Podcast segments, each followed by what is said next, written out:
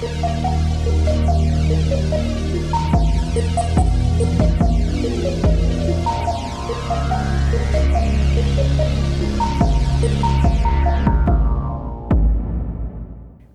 bij aflevering ja, 50 van Moordzaken, de podcast. Een jubileumuitzending, Carrie. En daarom drinken wij vandaag ook een klein glaasje champagne. Ja, klein, want anders ga ik met dubbele tong praten. Ja, niet te veel. Nee.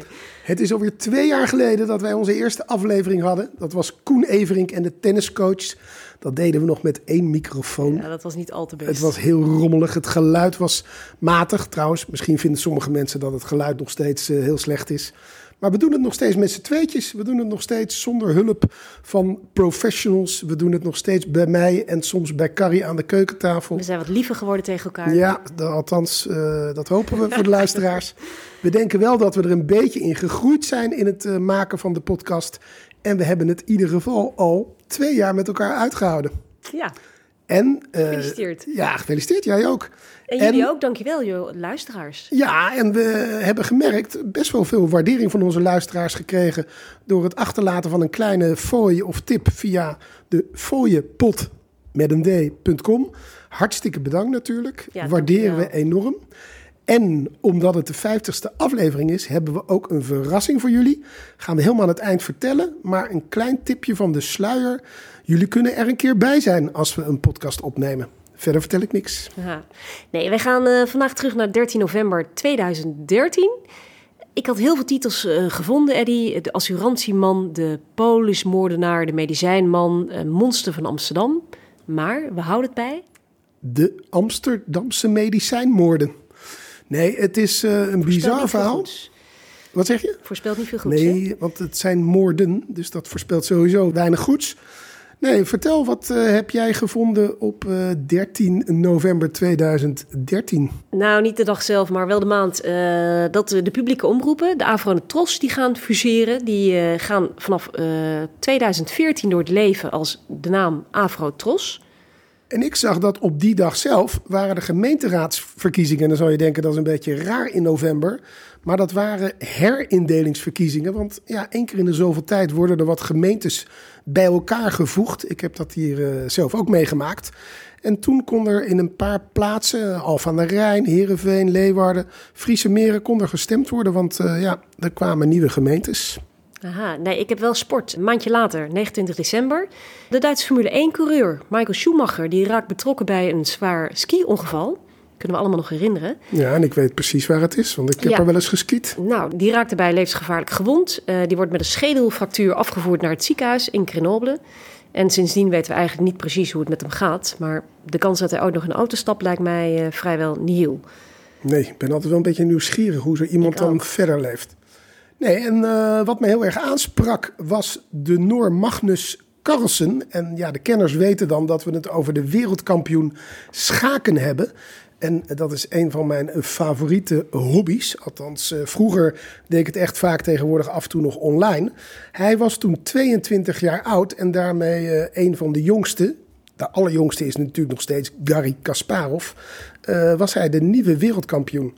Eh, en nog steeds, vandaag is hij ook nog wereldkampioen. Dus moet je nagaan hoeveel jaren deze vent al de beste schaker van de wereld is. Ja, dan kan ik jullie vertellen. Eddie is dus heel goed in blindschaken. Dat is een geheimtje. Niet alles Bij verklappen. deze. Nou, de, de woord van het jaar 2013. Zowel in Nederland als in België was dat selfie. Nou, dat kun je nu niet meer eh, wegdenken hè, uit eh, het Nederlandse woordenboek. Maar dat woord dat eindigde voor de woorden social basitas en sletvrees. En over eh, selfie gesproken. Ik eh, heb dus ergens gezien dat er een tiener in Amerika is... die tijdens het maken van een selfie... waarbij hij een pistool tegen zijn hoofd hield... waarschijnlijk om stoer te doen... per ongeluk de trekker overhaalde. Dus er is al een soort eh, selfie... ja, selfie zelfmoord? murder Selfie-moord Selfie, ja, gadver. is er al geweest. Hoe bizar. Nou, de films uit 2013, alle waren genomineerd of wonnen zelfs een Oscar. The Wolf of Wall Street. Die heb ik gezien. Je hebt eindelijk een gezien. Dallas Buyers Club. Nee? Nee? Oké, 12 Years a Slave. Ja, heb ik wel gezien. Frozen. Weet ik niet zeker. En nou, dit vind ik een hele mooie. La Grande Bellezza. Ja, dat is natuurlijk een klassieker. Ja. Ja, boeken hebben we natuurlijk ook weer eh, bij de hand. En ik begin maar eens even met een boek wat ik zelf gelezen heb. In 2013 was het leuke boekje Van Toe. En dat gaat natuurlijk over de Mont Ventoux. Dat is de beklimming van die berg. En als fietser heb ik het ooit een keer gedaan. En het leuke is, je kunt hem vinden op Storytel. Daar wordt hij voorgelezen door Gijs Scholten van Aschat, de bekende acteur. Uh, mooie stem heeft hij ook. En uh, ja, het is ook een mooi verhaal. Ja, de andere boeken uit 2013, in ieder geval die het meest gelezen waren dat jaar, dat waren Stoner van John Williams. Ik heb hem gelezen, maar er gebeurt vrij weinig in het boek. Grotere hit was de 100-jarige man die uit het raam klom en verdween. En natuurlijk Tonio van AFT van Heijden. En uit de bergen kwam de echo van Galet Husseini. Prachtig boek. En volgens mij al deze boeken te beluisteren op Storytel. En wij hebben nog steeds voor jullie de leuke aanbieding om 30 dagen lang gratis uh, naar Storytel te luisteren. En elk moment opzegbaar, zeg ik erbij. En dat kan door te gaan naar story.tel slash moordzaken. Dan zie je weer die uh, beeldschone foto van ons. uh, die kan je wel vergeten. Maar ook na de vakantie zou ik zeggen, doe het. Het is nog steeds een buitenkansje. Nou, het weer van 2013, 13 november. Een koude, half bewolkte dag met een temperatuur van 4 graden. En de muziek natuurlijk. En uh, ja, het, het, een stukje van dit nummer is zo briljant. En dat gaan we natuurlijk ook laten horen. Het gaat om Tsunami. En dat was van de band of de broers ja. Alex en Chris Vendenhoef. Ze kwamen uit Canada, maar ze hebben een beetje Nederlandse afkomst. En ze heten Dubs. Tsunami.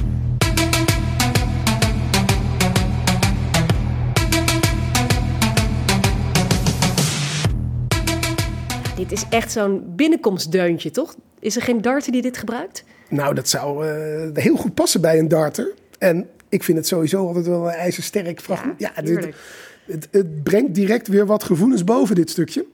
Maar we gaan terug naar 13 november 2013, want eh, wat is er dan gebeurd? Ja, woensdag 13 november 2013. We gaan naar Koude Noord, Amsterdam Zuidoost. En die koude ochtend om kwart over acht komt er bij de centrale een 1 en 2 melding binnen. Een man die meldt dat een familielid die ochtend niet wakker is geworden. Nou, de politie arriveert enige tijd later. Die gaat die flatwoning in de Belmer binnen. In die woning zitten twee jongens op de bank in de woonkamer. En die agenten die nemen een kijkje in de linker slaapkamer. Daar zien ze een jonge man op het bed liggen. Het is duidelijk dat hij niet meer leeft, want het lichaam dat voelt al stijf en koud aan. Zijn lippen zijn al blauw. Er wordt nog geprobeerd door ambulancepersoneel om hem te reanimeren, maar dat is al te laat. Het lichaam wordt dan overgebracht naar het fusiehuis in Amsterdam. Dus tegenwoordig is dat uh, gefuseerd hè, met de AMC. En het wordt daar door de aanwezige schouwarts onderzocht, maar geen sporen van geweld te zien. De arts kon ook niets ontdekken dat wees op uh, tekenen van misdrijf. En die geeft een verklaring van natuurlijk overlijden af. Nou, hij adviseert nog obductie, inwendig onderzoek bij iemand die overleden is. Maar dat is door de familie niet gewenst en het lichaam wordt al snel vrijgegeven. Die dode man, is de 24-jarige Rafael Alfredo Bido Fernandes. Prachtige naam, hè? Ik denk dat we hem hierna wel Alfredo gaan noemen. Wij noemen hem verder Alfredo, inderdaad. Nou, Alfredo die komt uit de Dominicaanse Republiek. Die is nog maar kort in Nederland, slechts een maandje. Hij is sindsdien woonachtig bij zijn 23-jarige vriend George en diens halfbroer. En dat waren ook die twee jongens hè, die op de bank zaten in de woning. En deze George, waar die dus woont, uh, die neemt bij afwezigheid van Alfredo's eigen familie, die in de Dominicaanse Republiek zitten, meteen de taak over om uh, op te treden als woordvoerder van de familie. Die zegt uh, namens de familie tegen de politie dat hij de afhandeling van het overlijden van Alfredo verder op zich zal nemen en dat het lichaam dus verder niet onderzocht hoeft te worden. Nou, dat is best wel opmerkelijk, hè? want hij besluit het al vrij snel zonder de familie te raadplegen van Alfredo. Ja, maar wat echt opmerkelijk is, is dat er diezelfde middag een telefoontje is. En dat is een telefoontje van een verzekeringsagent uit Oost-Nederland. En wat zegt die verzekeringsagent? Die heeft gezien, en dat, ja, dat komt dus omdat ze dat adres waarschijnlijk uh, gevlacht hebben, dat er een ambulancerit is geweest naar dat Kouwenoord in uh, Amsterdam. En ja, wat blijkt er dan boven te komen? Dat er sprake zou kunnen zijn van verzekeringsfraude, want dat is dus al eerder op dat adres gebeurd. Wat was het geval? Op 28 oktober, dus enkele dagen daarvoor, was er een opvallend hoog bedrag vastgesteld voor een overlijdensrisicoverzekering. En die was afgesloten op deze Alfredo. En de begunstigde daarvan was de moeder van de net genoemde George. Ja, ik vind dat echt wel heel bijzonder. Daar zitten mensen dus echt goed op te letten. Ja, heel scherp. Ja, Scherp. en dat betekent ook, je kan de verzekering niet zomaar misleiden. Want ze zitten er bovenop om te kijken. maar, ja, ja. dat is goed. Nou, de politie in Amsterdam die belooft inderdaad de zaak verder te onderzoeken. Want eh, het is inderdaad opvallend ook dat gewoon een, een jonge jongen van 24 eigenlijk net is overleden zonder enige medische achtergrond. Ze laten er geen gas over groeien. De telefoon van George wordt nog diezelfde dag getapt. En de recherche die besluit ook Alfredo verder te onderzoeken. Want er is dus bloed en urine bewaard. Dat doen ze blijkbaar altijd. Ja, dat doet de schouwarts. Nou, wie was deze Alfredo? Ik zei al, hij was 24 jaar. Hij woonde met zijn zwangere vriendin eh, Rosalia in de Dominicaanse Republiek. Alfredo's vader die, eh, die woonde in Amerika. En Alfredo die had een, eh, een Amerikaanse verblijfsvergunning aangevraagd, maar die wachtte daar nog op. En ondertussen was een jeugdvriend George, die woonde in Nederland. Die had gezegd, joh Alfredo, kom lekker naar Nederland. Ik heb hier een baantje voor je, dat kan ik hier voor je regelen. Dus een maand daarvoor, op 10 oktober 2013, is Alfredo in Nederland aangekomen. Ehm, ondertussen, de politie die eh, heeft de tap al gelegd, maar die gaat natuurlijk ook het huis doorzoeken van George. En dat doen ze de 15e, dus dat is twee dagen later. En in de keuken vinden ze een dressoirkastje. Eh, ja, ik denk dat dat een laag kastje is. En daarin zien ze een tas die daarin verstopt is. Ja, en dat is niet zomaar een tas. In die tas zitten heel veel bijzondere voorwerpen. Denk bijvoorbeeld aan twee injectiespuiten, inclusief naalden. Twee lege, geopende verpakkingen van injectiespuiten. Ook een sok en let op, daar zitten niet alleen twee lege plastic ampullen in, maar ook een doosje met het opschrift succinyl colina, 500 milligram. En in dat doosje zitten vier gesloten flesjes, ampullen, met daarop hetzelfde opschrift. Eh, ja, en nu is natuurlijk de vraag, wat, wat doet dat stofje? Dat is niet zomaar wat. Dat is namelijk iets waarvan gezegd wordt dat het de perfect murder weapon zou kunnen zijn. Dat is dus gif. Maar wat ze natuurlijk gaan doen, ze hebben dat gevonden. Ze gaan natuurlijk het naar het NFI sturen om te kijken of ze daar vingerafdrukken op kunnen vinden. Ja, en in die tas zat verder ook nog verzekeringspapieren en pasjes op naam van George en cash geld. Dus dat is heel duidelijk dat dit een tas van George was. En die verzekeringspapieren, nou, dat is natuurlijk ook een beetje dubieus allemaal. Dus die zijn ook doorgestuurd. Maar dat onderzoeksteam dat stuit een paar weken later ook op hele interessante zoektermen op de computer van George. Want een dag na die dood van Alfredo op 14 november gaat George op internet Wikipedia's bezoeken. En dan pagina's met de titels eh succinylmetoniumchloride, succinylchloline, maar ook de term autopsie. En verder gebruikte zoektermen als eh succinylcholine perfect murder weapon en succinylcholine niet te vinden. En ook nog sectieverrichte fusiekuis. Nou, inmiddels weten we, Eddie, Pas op met wat je googelt. niet want- handig. Ja. Nee, Beter te doen in een internetcafé of zo. Ja, maar dan vinden ze nog iets tastbaars eh, in diezelfde tijd, namelijk een, een zakagenda. En ook later nog een notitieboekje. En daar staat ook datzelfde succinylcholine op verschillende manieren gespeld in dat een boekje. woordbreker trouwens. Ja, ik vind dat we het best aardig doen. Eh, we doen ons best. Maar laten we even wat meer vertellen over, eh, over dit gif. Want dat het gif is, denk ik dat we wel kunnen verklappen. Nee, dit is in principe eh, bedoeld om bij operaties mensen hun ademhaling even te kunnen ja, stoppen. Maar dan natuurlijk wel tegelijkertijd met beademing aan de andere kant. Ja, ik las het inderdaad voor intubatie van je luchtpijp. Hè? Als je geopereerd wordt aan je luchtpijp. Ja, precies. Dus het is, het is niet vrij verkrijgbaar en het wordt in ziekenhuizen gebruikt. Maar ja, wat doet deze stof? Je hoort alles, je ziet alles, je voelt alles, je ruikt alles. En je hartspier blijft ook gewoon werken. Maar het is je ademhalingsspier die juist verlamt. Ja, en als je daar dus niks tegenover stelt, dan stopt je ademhaling en stik je gewoon bij volle bewustzijn. dit moet echt- gruwelijk zijn. Jezus, ja, Ik heb- gewoon. Ja. Ja, ik heb dus gelezen dat ze het in Rusland Ja. gebruikten om mensen te martelen. ja, misschien nog steeds. Misschien nog steeds, dat weet je niet bij die Russen. Nee, dat is dus vreselijk. En wat is nog het bijzondere aan dit eh, middel? Het is niet op te sporen. Want het blijkt dus dat het door het lichaam afgebroken wordt in lichaams-eigen stoffen. Dus dat zijn stoffen die je lichaam zelf maakt. En je kunt het dus ook niet heel makkelijk in het bloed vinden. Ja, dit is gewoon echt het perfect murder weapon, zou ik bijna zeggen. Nou, de recherche heeft inmiddels een zwaar vermoeden van wat er gebeurd zou kunnen zijn. Helemaal als ze achter een afschuwelijke gebeurtenis komen dat een kleine drie maanden eerder plaatsvond in Amsterdam-Oost. Op maandag 26 augustus 2013 komt namelijk de van oorsprong Dominicaner uh, Alan Ramon Perez González. Die gaan we voortaan Alan noemen. Ja, die komt laat thuis van een feestje in de Oosterparkstraat in Amsterdam. Alan wordt zelf op de Tsaar Peterstraat, dus vlakbij, samen met zijn moeder, kapster Carmen. Hij had voor het feestje nog even met zijn moeder gegeten, voelde zich heel goed. En de volgende dag moest Alan werken bij de Albert Heijn, maar daar komt hij niet opdagen. Nou, ook de dagen daarna komt hij niet en niemand hoort meer iets van hem. Is al wel een laatste uitgaande telefonisch contact geweest op dinsdag 27 augustus. Daarna is hij nog door een aantal personen zelf gebeld, maar die eh, oproepen worden niet beantwoord. En op 28 augustus is zijn batterij eigenlijk leeg. Nou, drie dagen later, 30 augustus, dan krijgen zijn vrienden, waaronder George, die hebben we al eerder genoemd, en zijn familie en bekenden krijgen geen contact met hem. Die bellen de politie. Die gaan naar binnen en die vinden Alan voorover op zijn bed aangetroffen met een mobiele telefoon in zijn handen. Nou, Alan die voelt koud aan en je raadt het al, die is overleden. Nou, het is heel raar, want niemand begrijpt eigenlijk wat er gebeurd is. Hè? Dus geen enkele aanwijzing dat Alan drugs heeft gebruikt. Er is uh, uit, uit politieonderzoek niet duidelijk wat hij heeft gedaan. Alleen dat hij nog koffie heeft gedronken. En uh, het was een jonge man, 22 jaar oud. Wel iets te zwaar, maar hij sportte veel. Hij was verder gezond. Hij is nog nooit bij een ziekenhuis of bij een dokter geweest. Dus heel vreemd eigenlijk dat hij plotseling is overleden nou ja, zeg maar gerust een compleet raadsel. En dan nog even te bedenken dat deze Alan, die had eigenlijk met zijn familie op vakantie gewild. Hij had namelijk een vriendinnetje in Santo Domingo. Maar hij wilde eerst nog even wachten op een belastingteruggave van 3000 euro. En jawel, het was zijn vriend George die hem daarbij zou helpen om dat terug te krijgen. Ja, dat is natuurlijk een bizar detail.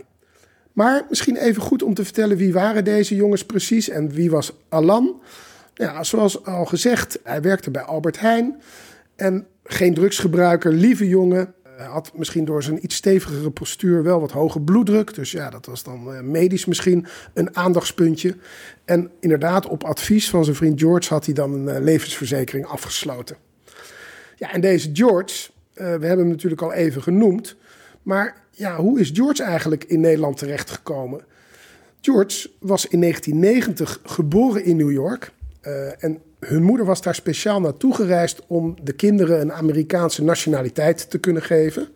Maar uiteindelijk is hij wel opgegroeid in Santo Domingo. Dat is waarschijnlijk de hoofdstad van de Dominicaanse Republiek, denk ik dan.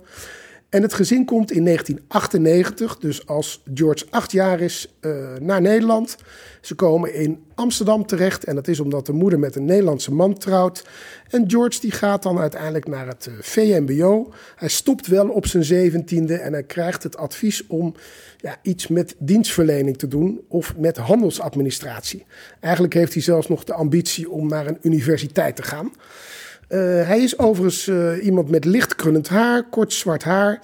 Uh, ik zou ook toch wel weer zeggen, een beetje zwaarlijvig als het, als het mag. En hij spreekt redelijk goed Nederlands voor iemand die uit de Dominicaanse Republiek of uit een ander land komt. En het is zo dat als mensen George zouden moeten omschrijven, dan vinden ze hem intelligent. Ze vinden hem ook een beetje schuchter. Hij had een tweelingbroer en zijn tweelingbroer Jesus dat was een beetje het feestbeest, de vrouwenversierder. En George wordt meer gezien als een beetje de timide jongen. hij doet niet aan sport, hij is niet zo handig met meisjes. Maar hij doet het dus wel prima op school. En hij heeft dus ook binnen de kortste keren Nederlands geleerd. Maar dan gebeurt in 2008 gebeurt iets heel noodlottigs. Want zijn tweelingbroer, Jesus, die overlijdt samen met zijn vriendin... bij een auto-ongeluk op de Dominicaanse Republiek. En George die zat ook bij hun in een auto. Die overleeft het... Maar na dit ongeluk verslechtert wel zijn band hè, met de familie, met zijn moeder. En George die besluit dan een tijdje rond te gaan trekken in Spanje. Nou, die blijft daar een poosje, twee jaar, maar die komt in 2010 weer terug in Nederland. En dan begint hij in de kapsalon, Chiquitica. Kom straks tijdens veldwerk nog even op deze unieke kapsalon terecht. Ja, in Amsterdam. Dan begint hij een administratiekantoortje. Uh, dat is de kapsalon van Carmen, de moeder van Alan. Uh, die moeder, dat is een mooi verhaal ook. Die moeder die is in de familie gekomen omdat de moeder van George en Carmen... die hebben elkaar ooit in een vliegtuig gezeten. Daar hebben ze elkaar ontmoet. En nou, die Carmen die ontferpt zich over George. Die wordt een soort van zijn tweede moeder. En uh, nou, daar uh, begint hij dus een kantoortje. Ja, misschien direct maar even wat meer over dat kantoortje. Het kantoortje wordt vooral bezocht door Dominicaanse prostituees. Het zit overigens aan de Gelderse kade. En uh, meestal zeg ik met trots, en het bestaat nog, maar in dit geval, het bestaat niet meer.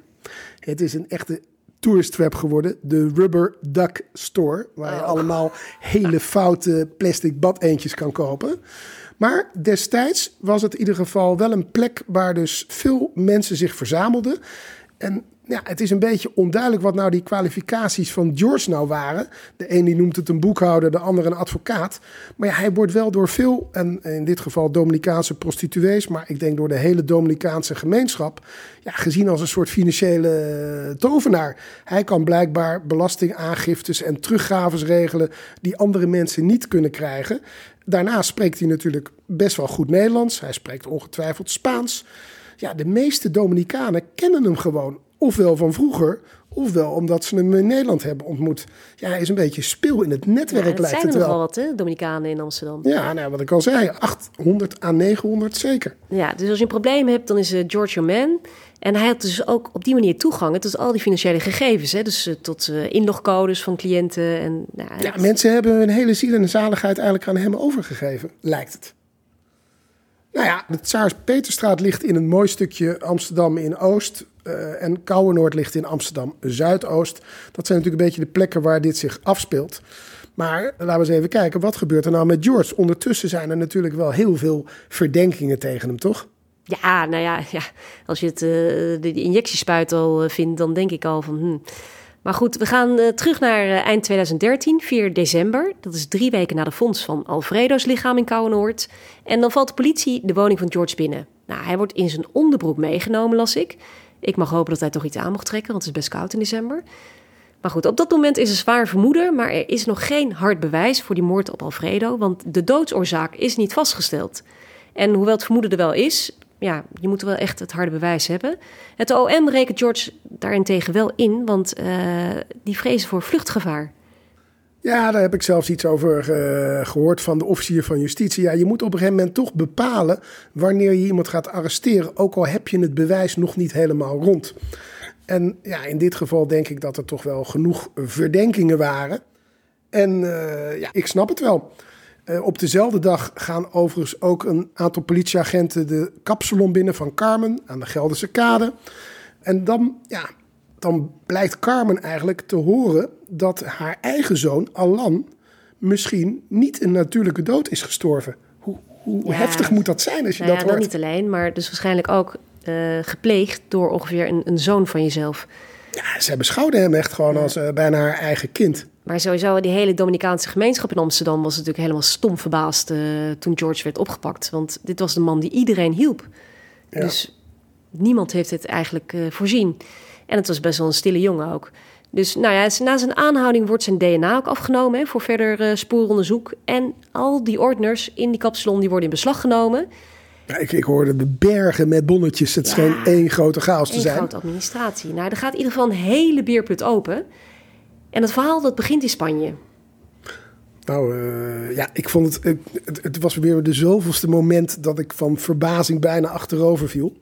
Hij blijkt dus al veel eerder in Spanje geprobeerd te hebben met een valse overlijdensakte een levensverzekering te cashen. En dat ging dan om een vrouw die in Madrid leefde. Dat heeft hij zelf geprobeerd toen hij in Spanje rondzwierf. Nou ja, het is, het is gelukkig niet gelukt. Dat eh, kan ik alvast verklappen. Maar hij heeft nog meerdere uh, capriolen uitgehaald. Ja, want na deze mislukte poging uh, denkt George, het moet anders. Ik moet gewoon zelf dood. Dus hij zet in de Dominicaanse Republiek zet hij zijn eigen dood in scène.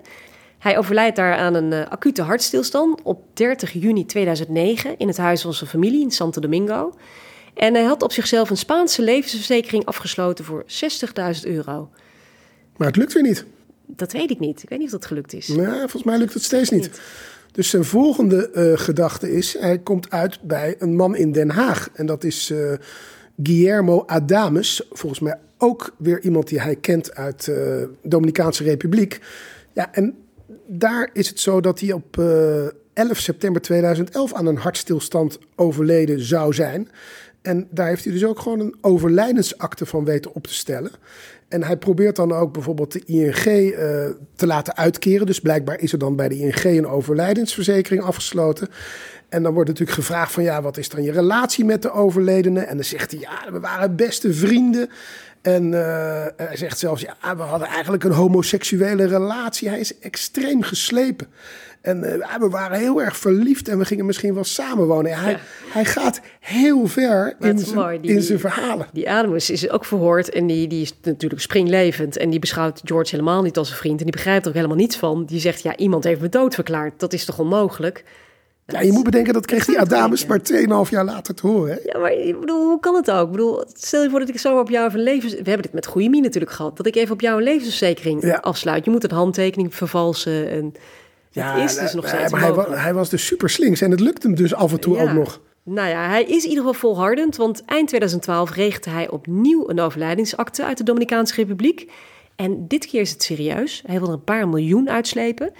Het is dan januari 2013 als zijn moeder bij de balie van het gemeentehuis in Amsterdam verschijnt. Nou, die komt daar huilend aan. Die vertelt dan dat haar zoon George anderhalve maand eerder aan een hartstilstand in Santo Domingo is overleden. Ze heeft zelfs een foto van het graf van George uit de Dominicaanse Republiek. Staat echt, uh, het grafschrift staat erop. Er is een factuur van een Dominicaanse begrafenisondernemer. George is in besloten kring begraven. En ze zegt, ja, ik wil even aanspraak maken op George's overlijdenspolis van anderhalf miljoen bij uitvaartverzekeraar Generali. En nu noemen we ze allemaal toch maar. Nou, ik kan je zeggen, er is bijna geen uitvaartverzekeraar die niet in, uh, in deze val getrapt is, bijna. Maar gelukkig, er is een ambtenaar van Generali die het niet vertrouwt en die schakelt een fraudeinspecteur in. En op een dag ergens in maart 2013 doen ze een inval bij de kapperszaak aan de Gelderse Kade. En achterin zit blijkbaar George gewoon aan een bureautje. Dus de man die overleden zou moeten zijn, zit daar gewoon, loopt daar gewoon rond. Ongelooflijk. Ja, en, uh... Maar George leert ervan, die geeft niet op. Hij beseft nu, nou, dat de verzekeraar die gaat pas uitbetalen als de verzekerde daadwerkelijk overlijdt. Dus hij moet het nu goed aanpakken. En zo komt het, 2,5 maand na de dood van Alan, het tweede slachtoffer van George, Alfredo, die komt dan op Schiphol aan. En George heeft alles geregeld. Hij heeft de tickets van Alfredo betaald, hij biedt hem een kamer aan in zijn woning, hij kent hem nog van vroeger, zoekt een baantje voor hem. Uiteindelijk komt er geen enkel baantje voor Alfredo. Maar wat George wel doet, al tien dagen na aankomst in Nederland wordt bij de Kamer van Koophandel een eenmansbedrijf op Alfredo's naam ingeschreven. Nou, dat is ook best wel bizar. Die man zegt, uh, die van de koude bodem van Nederland aangeraakt. Hij spreekt geen woord Nederlands. spreekt geen woord Nederlands. En daar komt hij met zijn neef. Nou, je raadt al wie dat is. Dat is George. En die gaan dan uh, het bedrijf Bido Services inschrijven. Met als activiteitsomschrijving boekhoudkantoren. Nou, het is natuurlijk totaal krankjoren. Vervolgens wordt twee keer geprobeerd om op naam van Alfredo een overlijdingsrisicoverzekering af te sluiten voor echt bizarre bedragen, voor uh, half miljoen en een miljoen euro. Nou, die aanvragen worden afgewezen. Maar er wordt wel succesvol een levensverzekering afgesloten voor een fors bedrag van 3 ton. En maar liefst drie uitvaartverzekeringen voor 20.000 en twee voor 15.000. Ja, het is toch verbazend hoe het iedere keer wel lukt. Maar je ziet bij de wat lagere bedragen maken ze meer kans. Ja. En hij had ook de truc dat hij zei, ja, die, die, die mensen hebben nog geen eigen BSN-nummer. Dus dat was dan maar de reden dat hij het allemaal moest uh, regelen. Ja, en hij is nog slimmer dit keer, want het is heel opmerkelijk. Kort na het afsluiten van deze verzekeringen gaat hij de begunstigde wijzigen in zijn moeder. Dus dit keer niet in zichzelf. Dus ja, hij heeft ook een beetje geleerd. Ja, hij heeft over nagedacht. Hè? En hij beschikt natuurlijk over de kopieën van het paspoort en de ID-kaart van zijn moeder, want daar regelde hij ook de financiële zaken voor. Dus uh, het is natuurlijk wel heel vreemd hè, dat hij het wijzigt in zijn moeder, want Alfredo heeft gewoon een familie en een zwangere vriendin in de Dominicaanse Republiek. Dan even kijken hoe die bij Alan te werk gegaan is. En dat is een beetje vergelijkbaar. Op 6 juni 2013 heeft hij een inschrijving namens Alan bij de Kamer van Koophandel verzorgd voor ARP vastgoed. Ja, en daar had hij ook wel een mooi verhaal bij. Daar stond dan: Mijn bedrijf ARP vastgoed zal zeker uitgroeien tot een internationale samenwerking met Ofri was vastgoed. En dat zou een succesvol vastgoedbedrijf zijn, wat in de Dominicaanse Republiek jaarlijks honderden miljoenen aan bedrijfsomzet maakt. Dus hij kleedt het ook helemaal aan. Klinkt goed. Maar uh, laten we eerlijk zijn, hij doet dat allemaal en Alan is daar waarschijnlijk helemaal niet uh, bewust van geweest. Vervolgens probeert hij 2,5 miljoen verzekerd bedrag aan te vragen bij de Leidse Verzekering. Nou, dat uh, lukt uiteindelijk niet. Dat wordt retour gestuurd. Maar ook deze keer heeft hij weer succes. Het is een lager bedrag, 200.000 euro bij Dela. En inderdaad, op het polisblad verschijnt netjes de naam van Alan.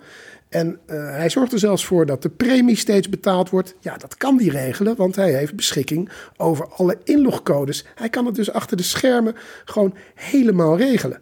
Alleen, en dat uh, zal hem later nog wel een beetje uh, duur te staan komen. Hij gaat ook in de periode, en dan hebben we het natuurlijk over augustus 2013, als Alan triest genoeg dood gevonden wordt. Ja, hij gaat regelmatig bellen met die verzekeraar. Hij, hij, wil eigenlijk al gewoon direct claimen. Eigenlijk zelfs op 3 september, dus dat is echt een paar dagen daarna, probeert hij eigenlijk al het verzekerde bedrag uit te laten keren. Ja, hij dat, is niet heel handig. Dat is weer niet zo slim natuurlijk. Dat gaat ook niet werken. Nou, het is me wel een verhaal inderdaad. Want George heeft dus niet alleen twee vrienden om het leven gebracht, aanspraak willen maken op die verzekeringen. Hij probeert daarnaast dus ook echt allemaal verschillende verzekeringsmaatschappijen op te lichten.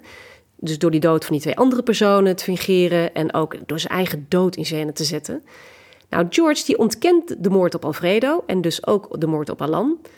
Maar als hij al een tijdje vastzit, komt in 2014 de testuitslag van de sectie binnen. Dat bloed en urine wat bewaard is gebleven van het lichaam van Alfredo, dat is natuurlijk eh, opgestuurd. Dat is onderzocht en het bewijs is rond. Ze hebben er echt wel een tijd voor moeten uittrekken, want wat hebben ze gedaan? Ze hadden natuurlijk het vermoeden toen ze die injectiespuiten van dat, uh, hoe noem je het ook weer? Succinylcholine choline vonden. Tegenkwamen. Nou, toen dachten ze van hier moeten we op zoeken. Maar daar hebben ze echt een test voor moeten ontwikkelen. Dat heeft een aantal, aantal weken in beslag genomen. Dus pas in 2014 komt die testuitslag binnen. En uh, tijdens die sectie door, we kennen haar, forensisch patholoog Dr. Surj Bali Maikou ik ben blij dat jij de naam uitspreekt. Ik weet niet of ik het goed heb gedaan, dat wist ik vorige keer ook al niet. En een toxicologisch onderzoek door uh, dokter Anders van der Hulst. Daar is dus sporen in het lichaam van Alfredo gevonden van dat succinylcholine. Hier is het harde bewijs. Ja, dit is het, het zit er dus in. Ja. ja. En het is inderdaad de perfect murder weapon. Hè? Dus vandaar ook inderdaad dat het zo lang heeft geduurd. Nou, dokter Soetbali Maikou die komt tot de conclusie dat het overlijden van Alfredo goed kan worden verklaard door hartspierschade en daardoor functiestoornissen van de vitale organen. En dat is dan ontstaan als uh, effect van die stof succinylcholine. Maar hoe vaak, Eddie, hoe vaak is dit spul eerder gebruikt voor moorden? Ja, maar er zijn natuurlijk zoveel stoffen waar waarschijnlijk toch wel een heel gemeen kantje aan zit. Denk en dan kun je toch obductie doen na de dood, maar dan kun je het nog steeds niet vinden. Nee. Ook de uitslag van het DNA-onderzoek komt binnen. En nou, dat blijkt dus op die bijsluiter in die aangetroffen verpakking uh, van het recept. En op die ongeopende glazen ampul en op een uh, plastic ampul blijken vingerafdrukken van George te zitten.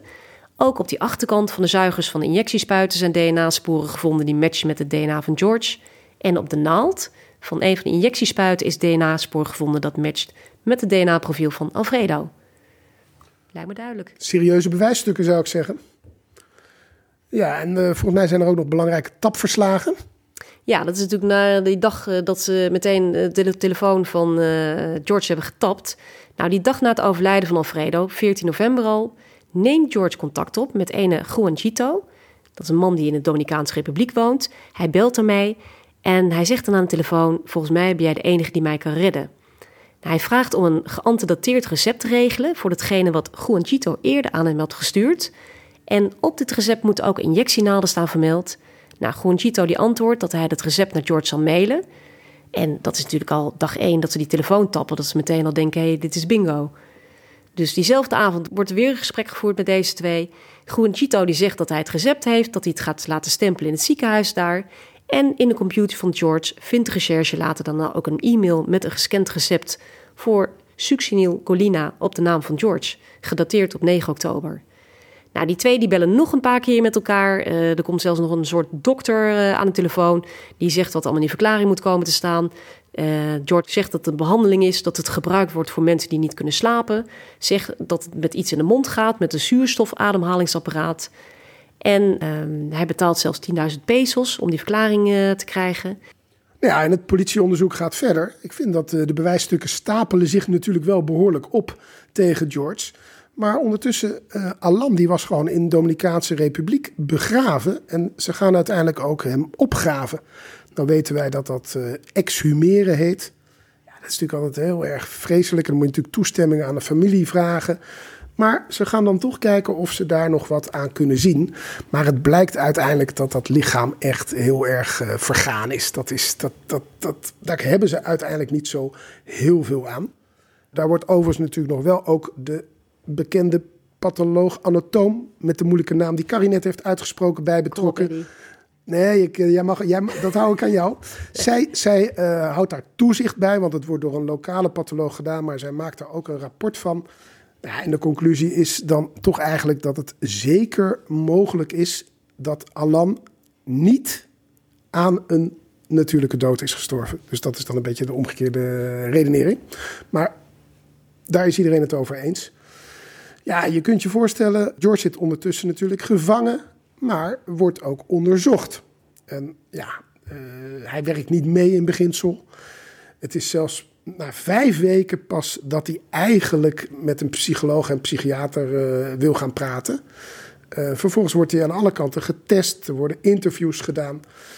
Nou, eigenlijk, ik vond het wel bijzonder om te lezen. Er zijn een aantal elementen die dan terugkomen. Allereerst, en dat ongeluk heeft Carrie al beschreven, wat hij natuurlijk had uh, samen met zijn tweelingbroer. Hij zou misschien hersenschade opgelopen hebben. Dat is een uh, traject wat, wat hij probeert uit te spelen. Ook als hij een IQ-test moet doen, dan, ja, dan heeft hij het IQ van 45. Dat is het IQ van een 9-jarige. Ja, dat kan bijna niet kloppen. Zeker als je bedenkt dat hij best wel redelijk Nederlands spreekt. De mensen die hem uiteindelijk testen, die denken ook dat hij opzettelijk onderpresteert en dat hij de testen saboteert. Uh, ze geloven ook niet echt dat dat ongeluk nou zijn gedrag beïnvloed heeft. Ja, en als ze dan verder kijken, dan zien ze gewoon een heel manipulatief persoon. Hij gedraagt zich ook in die kliniek waar hij dan wat langer moet verblijven. Uh, gedraagt hij zich ook echt een beetje verheven boven de anderen. En ja, zijn, zijn empathisch vermogen is echt heel gebrekkig. Uh, ze zien hem eigenlijk ook als een pathologisch leugenaar. Nou, dat hebben we natuurlijk ondertussen ook wel een beetje het gevoel dat hij alles bij elkaar ligt.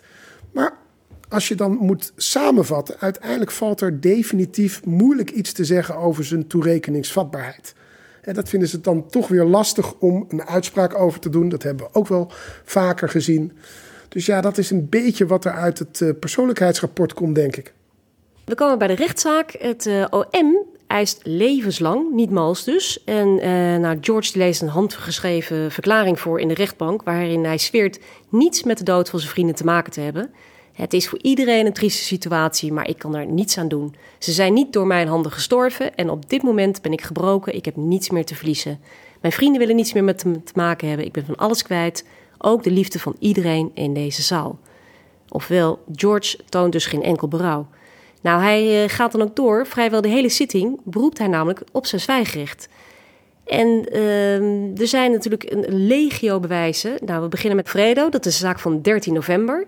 Nou, de rechtbank die stelt op basis van de sectie dat die stof uh, succinylcholine heeft geleid tot Alfredo's dood. En ze hebben daar een aantal uh, bewijzen ook voor. Het aantreffen van een tas in George's woning met alle spullen daarin. Het DNA op de spuiten. Uh, de tapgesprekken met uh, Juanjito in de Dominicaanse Republiek. Het toedienen van een injectie door George. Um, zijn vriendin had namelijk verklaard dat zij op 12 november 2013 rond 9 uur nog een gesprek had met hem. Een telefoongesprek vanuit de Dominicaanse Republiek. Toen had Alfredo gezegd dat hij moest ophangen, want George die zou 15 voor hij zou slapen gaan een injectie in zijn rug geven. Ja, dan moeten we even zeggen dat dat in de Dominicaanse Republiek een normale manier schijnt te zijn om een ziekte te behandelen met injectienaald. Ja, ja maar, ik ken dat niet echt. Ik ook niet. Maar in dit geval is het natuurlijk echt wel een, een hard bewijs. Uh, dan hebben we ook nog het internetgedrag, hè, de zoektermen van George, waar we het net over hadden. Ja, bij elkaar is het natuurlijk echt wel uh, mega duidelijk dat George in dit geval uh, met het uh, succinylcholine Alfredo heeft vermoord. Nou, dan ook nog de moord op uh, Alan. De vraag of de toediening van succinylcholine daadwerkelijk tot de dood van Alan heeft uh, geleid, dat is niet zeker. Maar George had wel de beschikking over het stof. En we hebben dan ook nog het bedrijf van Alan, het ARP vastgoed dat George heeft uh, gesticht. De verzekeringen waar George Alan zijn begunstigde was. En natuurlijk het belgedrag van George in verband met die verzekering bij Dela. En de claim, hij heeft op 3 september aan Dela het verzoek gedaan om het verzekerde bedrag uit te keren. Nee, dan komen we even bij de verdediging. Want ja, ik vind dat wel interessant als het zo klip en klaar lijkt wat dan de verdediging nog in te brengen heeft. Nou, er is een heel advocatenteam die zeggen vrijspraak op alle fronten. Want Het onderzoek deugde niet en de patholoog-anatoom zou veel fouten gemaakt hebben. Nou, nu is het zo dat onze grote vriend Frank van der Goot ook nog bij deze zaak betrokken is. En die heeft uiteindelijk ook aangegeven dat ja, de, de, de afwijkingen die er waren, ja, dat dat uiteindelijk natuurlijk best veroorzaakt kon zijn door zo'n gifstof. Dan vind ik zelf de verklaring van George nog het meest bijzonder. Want hij heeft van zijn zwijgerecht gebruik gemaakt. Maar ergens is er dus blijkbaar wel een verklaring gekomen van waarom het allemaal anders zou zijn. Hij zegt eigenlijk dat hij, en dan hebben we het over de zaak van 13 november, dus van Alfredo, dat hij naderhand door iemand de tas aangereikt heeft gekregen, dat hij heel erg geschrokken was, met name van de naam die hij op het middel zag staan, dat hij dat vervolgens in zijn agenda heeft genoteerd, dat hij daarom op internet is gaan zoeken om te kijken wat dat middel nou was, en vervolgens naar die vriend in de Dominicaanse Republiek is gaan bellen en toen bedacht had, omdat er ondertussen was het huis verzegeld, uh, dat hij dacht, ja, als ik nu nog een recept kan krijgen voor dat middel, dan kan ik in ieder geval verklaren waarom ik dat heb. Ja, het is natuurlijk ongekend ja, dat mensen dat durven te zeggen. Ja. Nou ja, en dan de verdediging, die is natuurlijk, dat zijn advocaten die zijn iets verstandiger. Die gaan op een gegeven moment toch gewoon op de tour van, ja, een levenslange eis, die hoor je niet vaak.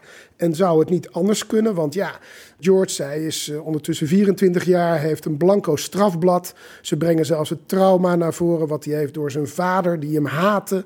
Ongeluk zullen ze er nog bij betrokken hebben. Hij is beschadigd in zijn jeugd. Hij had hechtingsproblemen. Ze gaan zelfs zijn seksuele geaardheid nog opbrengen.